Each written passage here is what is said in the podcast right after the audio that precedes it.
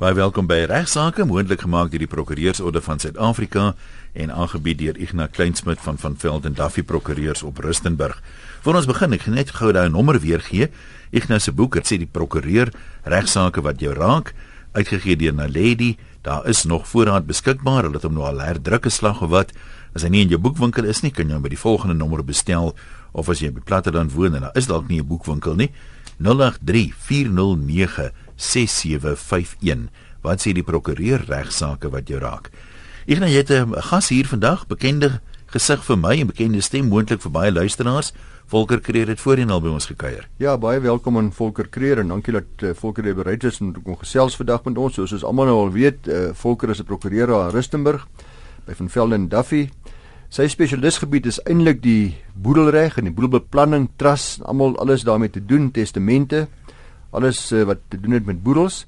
Maar vandag het ek Volker se bietjie in die diepkant probeer ingooi, want jy sien hy's 'n jonger kollega van my en uh, van die jonger kollegas is baie keer geneig om te maak of hulle meer weet as ons wat al 'n bietjie langer in die tand is. Ek het vir Volker gesê kom ons hou 'n bietjie van 'n vasvra. Ek sal 10 vra uitwerk. Wat is die onderwerp? Gaan dit oor die reg of alles gaan dit oor rugby of wat? Alles is nog wat ongelukkig weet want Volker is mos nou die spesialis op 'n sekere gebied en ek wil graag sien wat doen ouens wat spesialiste op sekere gebiede is as hulle bietjie moet vrae beantwoord ook oor alles en nog wat. So dit is heeltemal baie baie wye veld wat ons gaan dek. Ek het probeer en dink Volker ook om om vrae wat vir ons interessant is, wat ons dink vir die publiek interessant sal wees vir ons luisteraars om dit te te te vra. En uh En miskien moet jy maar as jy nie omgee nie Ian se bietjie beoordelaar speel. Jy's mos ook 'n regsman. Ja, jy weet wat dit nou lekker maak. Ek meen die in die rugby is die ref altyd blind. So as hy hier onkundig is, gaan dit nie noodwendig 'n groot probleem wees nie. nou, so Volker baie welkom aan jou. Dankie Ignas, môre luisteraars, eh, môre Ian, ek is inderdaad so 'n bietjie senuweeagtig oor die vasvra, maar ons sal maar sien hoe dit gaan. Ek het 'n paar oulike vrae vir Ignas ook, so ek sien uit na sy antwoorde. Volker tipies my ordentlike self sal jy my eerste uh, afskiet, afskop. Eerste vraag vir Ignas, lei soos volg: Magriet het bome op haar erf wat gereeld blare verloor en dan in haar buurvrou Susan se tuin beland as die wind in daardie rigting waai. Dit irriteer Susan vreeslik en veroorsaak dat haar tuinjong amper daagliks 'n groot gros blare moet optel. Kan Susan, uh, Igna, van Magriet eis dat sy die bome afkap? Uh, lekker vraag oor die buurreg, dankie Volker. Uh eerstens moet ek sê dat wat die blare waai betref, dink ek dat ons moet almal aanvaar dat jy moet van jou bure af 'n sekere mate van oorlas of nuisance waarde moet kan verdra en verduur.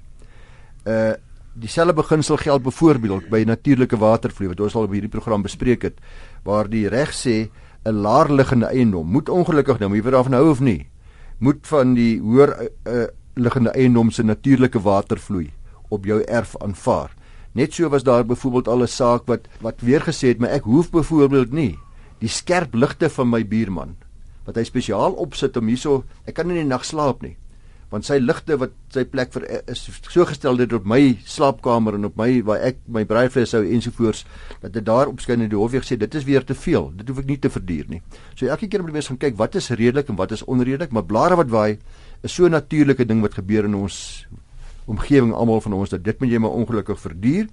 Maar wat oorhangende takke en blare betref, is daar 'n algemene reël in ons reg en ek gaan dit net maar so eenvoudig as moontlik stel dat alles wat vertikaal bokant my eiendom is, behoort aan my.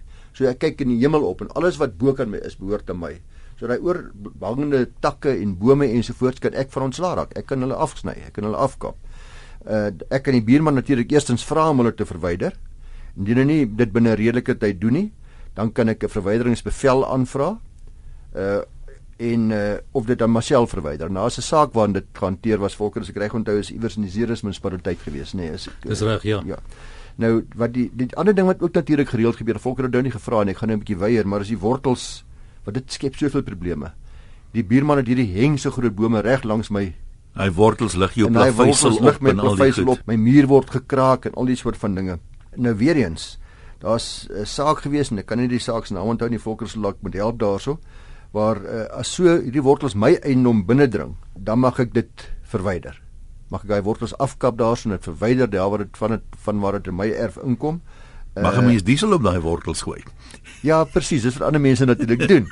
Uh maar ek is nie bewus daarvan of mense verwyderingsbevel kan kry nie. Dalk sou mens dit ook kan kan uh, deur middel van die hof vra. Kan ek net gou nog 'n vraag gehad tussenin vra? Kom ons sê 'n beduidende deel van die wortels van die boom groei nou hier aan jou kant van die erf. Ja. Jy kan nou tot by jou grenslyn kan jy nou wortels afkap. Maar ja. sê nou dis so beduidend dat dit tot gevolg het dat die boom vrek. Jou buurman het nie dan 'n remedie teen jou nie. Dis nou maar ja. jammer dat dit nou so uitgewerk het. Ek dink die vraag gaan elke keer by die bure reg gevra word. Dis die moeilike deel van die bure reg. Daar's baie diskresie by die regter en die landros wat hierna gaan kyk, want dis 'n opweging van belange. Die oorlas aan my kant teenoor die voordeel aan jou kant. Wat is die ergste? Ek het byvoorbeeld nou my die lig is 'n goeie voorbeeld. Ek het 'n lig wat se sekuriteit daar is. Uh, sekuriteit is my van kardinale belang in Suid-Afrika want ek het al 3 diefstalle gehad. Nou nou is my hele tuin verlig. Uh, nou sê die hof, dis belangrik dat hierdie een buurman moet ligte hê op sy plek. Maar wat nie belangrik is nie, hy kan die ligte so stel dat dit jou nie pla nie. So meneer, daai een lig moet jy wegvat. Jy hoef dit nie te skei op jou buurman se venster nie. Mm. Vat hom sodat dit dat albei partye kan leef en uh, dat hulle belange in ewewig met mekaar gebring word. So dit sal elke keer by bome ook dieselfde wees. Ja, dit klink vir my nou 'n billike antwoord. Ja, ek moet sê, dis 'n slegte antwoord nie. Maar ek gaan nog een byvoeg uh wat ook bietjie met die uh, buurreg handel, uh, Igna. Uh Magriet en Susan, dis nou dieselfde Magriet en Susan, sit vas omdat die een se kind lelike dinge vir die ander se kind by die skool gesê het. Hulle het op 'n stadium mekaar fisies by die skool se parkeerterrein in die hare geval. Om wraak te neem, plant Magriet nog 'n klompie bome van dieselfde soort wat ook gereeld blare verloor om soveel as moontlik oorlas vir Susan te veroorsaak. Kan Susan eis dat daardie bome verwyder word?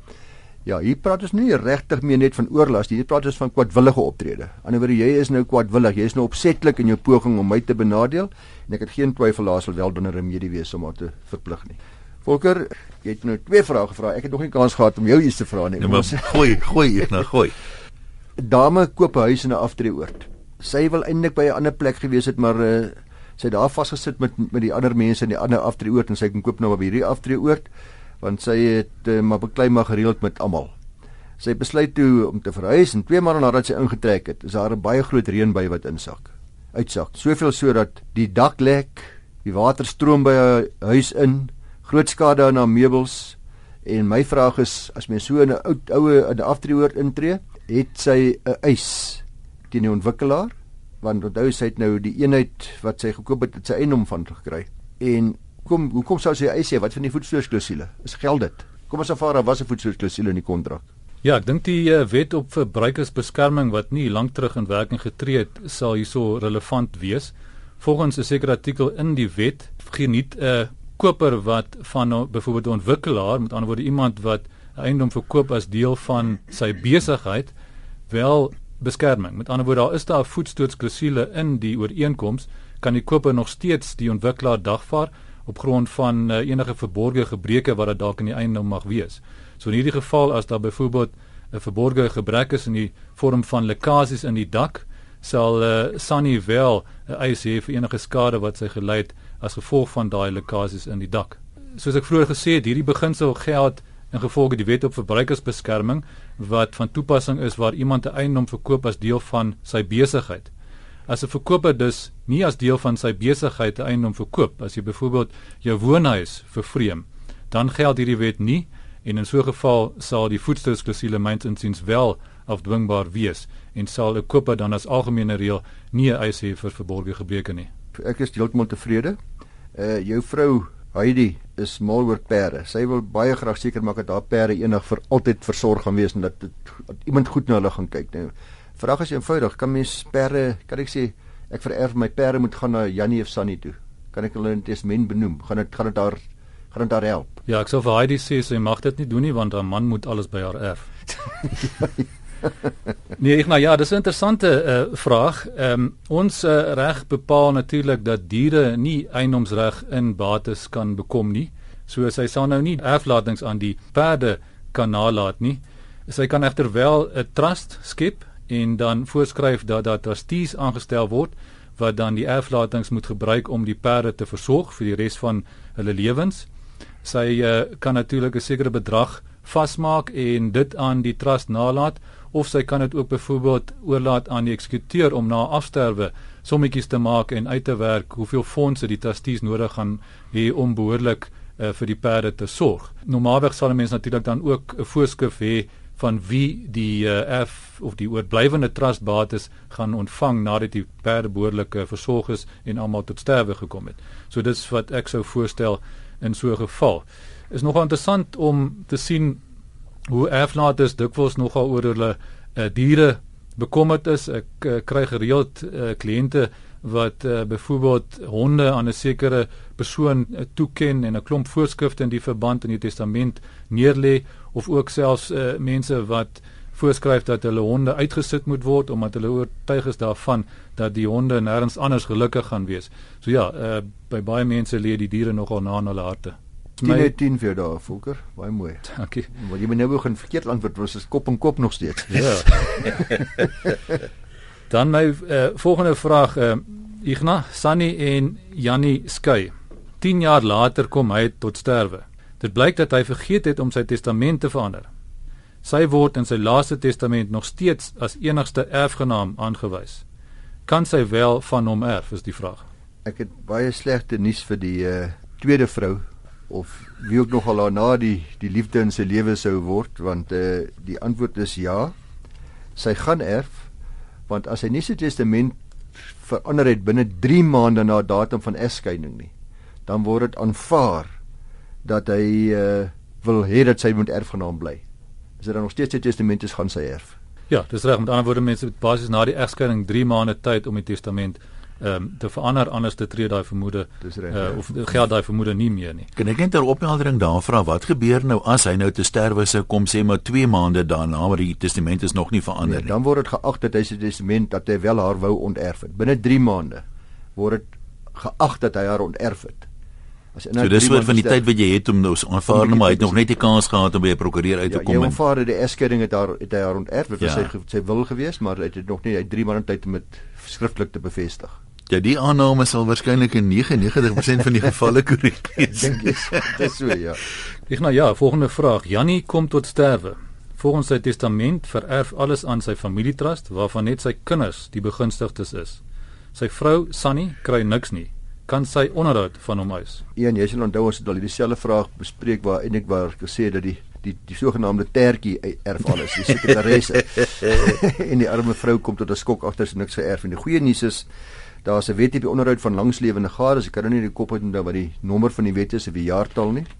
Maar gevolge daardie wet kan sy onderhoud van hom eis op die basis dat sy natuurlik onderhoudsgeregtig is. Dat sy nie bates van haar eie het genoeg om haarself mee te onderhou nie of nie inkomste het waarmee sy haarself kan onderhou nie. En heel dikwels vind mense die onderhouds eise baie groot eise is en dikwels 'n baie groot deel van die boedel waar daarmee heen is as gevolg van onderhoudseis. Maar as sy van 'n man afhanklik was, sal sy kan eis. Klink goed. Volker, 'n jong seun, sê net maar Pietie. Hy begin hier in matriek agterkom dat ander seuns raak vir hom al hoe mooier.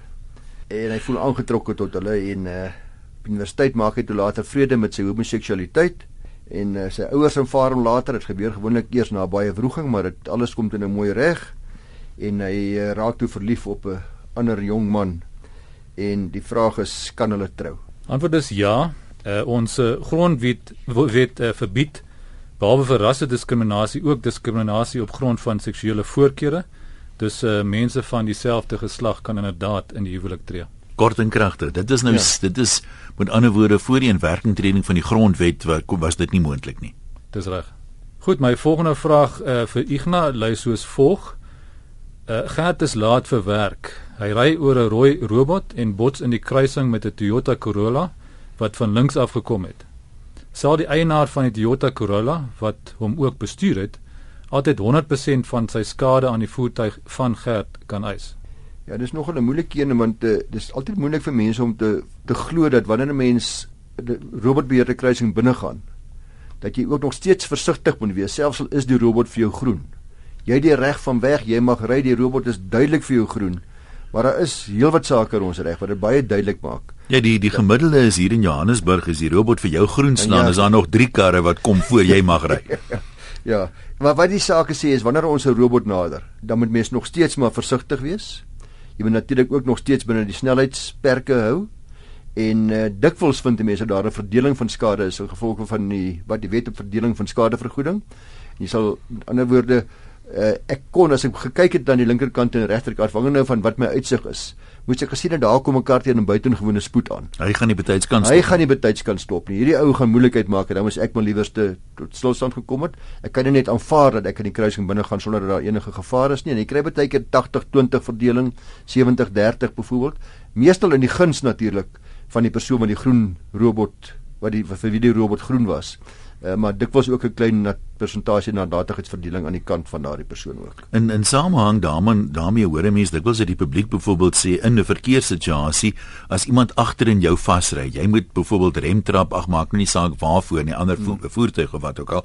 En 'n ou ry en agterin van jou vas, die meeste van die gevalle is hulle daai ou se skuld wees van agteraf want jy moet voorsien dat 'n ja. motor voor jou skielik kan rem vir 'n kind of 'n bal of 'n of ja. een of ander ding. So dis 'n dikwels 'n aanduiding van nie, eh, nie behoorlike volgafstand en so aan nie, ja. maar daar kan seker ook uitsonderings wees. Nee, beslis so. Uh, ek kan sommer na ander ding daarvan vir volker ook vra as jy kyk na gevolgskade wat uit so ongeluk het voorspruit. Wat sou die posisie wees byvoorbeeld in hierdie selfe ongeluk nou? Nou is daar 'n 80-20 verdeling. Uh, dit was die robot was groen geweest vir die persoon wat hy kry 80% van sy skade kan hy verhaal. Hy het 'n dagvaarding ingestel, maar deel van sy skade is byvoorbeeld sê 'n skillery van 3 miljoen rand wat by agtersit plek gelê het en wat vernietig is of aan die brand geraak het.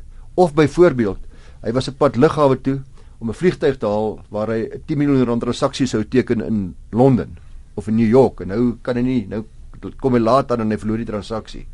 Uh, het hy nou eis vir daai 3 miljoen rand skillery of vir daai verlies aan inkomste as gevolg van die kontrak wat hy verloor het. Ja, die uitgangspunt sou wees dat hy inderdaad 80% van al die skade wat hy gely het as gevolg van die motorbotsing kan eis. Maar nou skryf ons reg voor dat die skade wel redelikerwys voorsienbaar moes gewees het. Aan die ander woorde die hof gaan vra of die redelike man in die posisie van die delikpleger sou voorsien het dat die spesifieke skade wel die gevolg kon gewees het van die motorbotsing. Nou so 'n skillery wat byvoorbeeld agter in die um, kar gelê het of die uh, vlug uh, wat hy besig was om um, te probeer haal sou myns insiens nie redelikerwys voorsienbaar gewees het nie. Met ander woorde, redelike man sou nie voorsien het nie dat sulke skade uit 'n motorbotsing kon voortspruit nie. So ek dink daai skade sal inderdaad nie kan verhaal nie. En dis al wie op die voertuig staan rare print paintings in transit. nee, ek dink Volker is reg want uiteindelik is die versienbaarheid toets is 'n objektiewe toets. Jy weet dis 'n uh, ander sou ek en jy wat nie naby wat nie weet daar wat daar is nie so roos het verwag het. Daai skare nie, maar kan ek net vir jou vra Volker en ek gaan nou 'n werklike voorbeeld gee. Dit gebeur van tyd tot tyd. My kinders erf. Ek het net een kind. My een kind erf alles. Hy kind is getroud binne gemeenskap van goedere. Ek het 'n aansienlike boedel bymekaar gemaak. Ek kom nie baie goed met my skoondogter oor die weg nie. Maar sy is getroud met my seun en ek moet nou maar aanvaar. Dit is nou maar hoe dit is. En 'n week nadat ek oorlede is, sterf my seun. My vraag is, sal die, my skoondogter nou geregtig wees op die helfte van my totale erflating? Ja, waar hulle binne gemeenskap van goedere getroud is, sal sy inderdaad geregtig wees op die helfte, behalwe as jou testament 'n klousule bevat wat voorskryf dat daardie bevoordeling nie binne die huwelik binne gemeenskap van goedere sou val nie. Dis natuurlik veral ook by egskeidings uh, relevant as uh, die testament nie so 'n uh, eh, klousule sou bevat nie en die kind sou skei, dan sal die uh, skoondogter of die skoonseun ook die helfte van daardie erfposie kan eis. Nou maar die meeste mense natuurlik sou verkies dat slegs hulle kinders bevoordeel word en nie die skoonseun of die skoondogter nie. Is dit 'n klousule wat 'n mens normaalweg in 'n testament invoeg om te bepaal dat die uh, erflating uitgesluit is van die huwelik binne gemeenskap van goedere en ook van die aanwasbedeling. Maar kom ons sê byvoorbeeld hierdie twee was volgens die aanwasbedeling moet getroud, sou sy dan na sy onthou nou ek hy, sterf 'n week na my. Sou sy nou deel van daai aanwas kon kry, sou dit deel van aanwas wees. Ja, weer eens as die klousule in jou testament is, dan uh, sal dit nie te sprake wees nie. As daar nie so 'n klousule in die testament is nie, dan uh, wat die aanwasbedeling aanbetref, uh, sou sy ook nie daarop kan aanspraak maak nie. So dit werk bietjie anders as die huwelik binne gemeenskap van goedere. By die aanwasbedeling is die beginsel soos volg: alle erfposies wat die gades ontvang het voor huweliksluiting en voor kontraksluiting is wel deel van die aanwas behalwe as dit spesifiek in die huwelikskontrak uitgesluit word en alle erfposies wat hulle ontvang na huweliksluiting en die huweliks uh kontrak wat hulle geteken het uh gaan uh, inderdaad nie deel wees van die uh, aanwasbedeling ongeag wat die testament sê of die huwelikskontrak bepaal. So wat duidelik blyk ou moet gaan na iemand toe wat weet hoe om 'n testament op te stel om al hierdie moontlike probleme te probeer voorkom. Maar kom ek gaan net 'n stapie verder.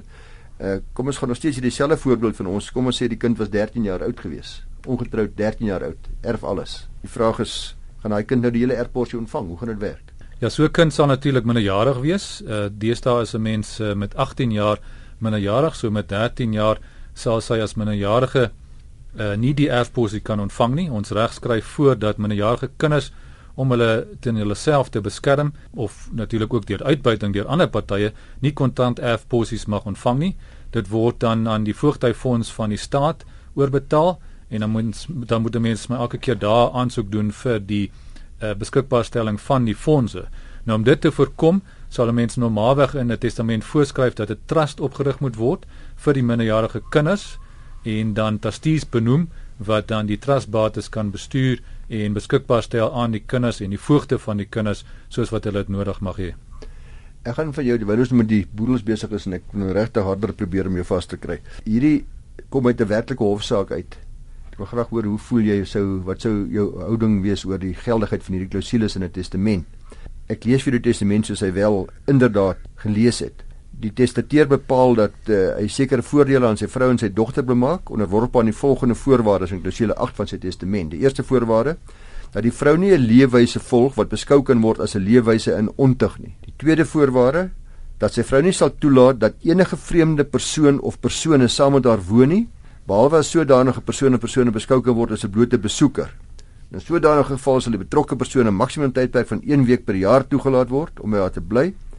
Manlike persone as hoegenaamd nie as 'n besoeker aanvaar word nie, behalwe in die geval waar hulle deur eggenotes vergesel word. Dis 'n werklike in die testament. So hierdie is duidelik in die graf uit regeer situasie.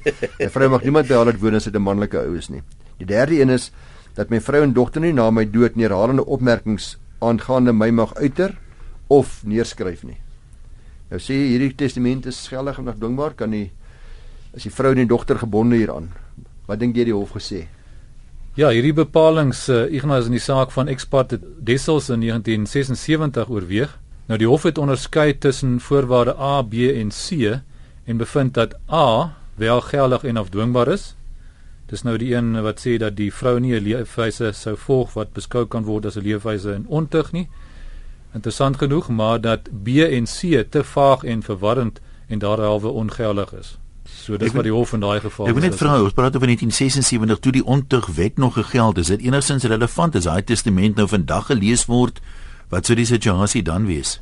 Ja, ek dink nie dit sou enigstens 'n verskil gemaak het nie. Die uitgangspunt is dat 'n erflater in sy testament eintlik enige voorwaardes kan koppel aan 'n erflating solank dit nie teen die openbare belang is nie en solank dit nie vaag en verwarrend is soos in hierdie geval.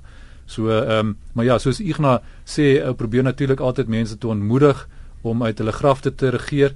Mens kan nie regtig jou of die omstandighede voorsien wat gaan uh, geld wanneer jy te sterwe gekom het. So ek probeer maar altyd mense uh of voor te stel dat mense so min as moontlik voorwaardes koppel aan hulle erflatings. Ek sê ek vra nou ja. meer vrae as julle is ek maar dit interesseer my nou. Uh, ons het net nog gepraat van die grondwet wat spesifiek sê jy mag nie teen iemand diskrimineer op grond van seksuele voorkeur nie. Sou 'n mens byvoorbeeld so 'n bepaling kan sit, uh, jy erf hierdie geld maar onderworpe daarvan dat jy nie in 'n homoseksuele verhouding betrokke raak iemand met dieselfde geslag nie? Sou dit teen die teen die openbare sedes wees of is dit maar 'n kwessie van voorkeur van die testateur? Ek dink persoonlik dit sou teen die openbare sedes wees as jy iemand se seksuele voorkeure op hom wil afdwing en koppel aan 'n erfporsie. Maar tog is daar 'n saak gewees uh, wat Volker ook ken Dit was die uh, estate hartsaak wat nou eintlik maar deel van hierdie is waar Dolene geskryf het dat sy seun sy erfporsie verbeur, nie net sy trou met 'n persoon wat nie die Joodse geloof volg nie. Ja. Met 'n nie Jood. In daardie geval volker daar daar is dit gesê dis dis dis dis legaal, dis in orde. Interessant genoeg, ja. Die hof het daai voorwaarde afgedwing. Maar eh, maar ek is oortuig van 'n voorwaarde sê jy mag nie met 'n homoseksuele verhouding of iets wees sal sal nie afdwingbaar wees nie. Maar 'n seksuele voorkeur is so duidelik in die grondwet uitgespel word as aanvaarbaar. Ek stem saam. Ek's nie bewus van so 'n saak nie, maar ek dink dis die gevolgtrekking wat hof sou maak. Ons sal daar moet saamvat. Ek weet nie of ons 'n volgende program dalk eh, dis nogal vir my lekker hierdie hierdie kort antwoordjies of ons dit uh, kan voortsit nie, maar ons gaan nie vir nog tyd hê vandag nie. So kom ons nooi luisteraars weer as jy voorstelle het vir onderwerpe wat jy wil hê ons moet bespreek hier op regsaake, kan jy sommer direk vir Ignas stuur. Sy e-posadres is igna@ffd wat kort is vir van Velden Duffy www.co.za. Dankie ook aan die Prokureursorde van Suid-Afrika wat vandag se program moontlik maak.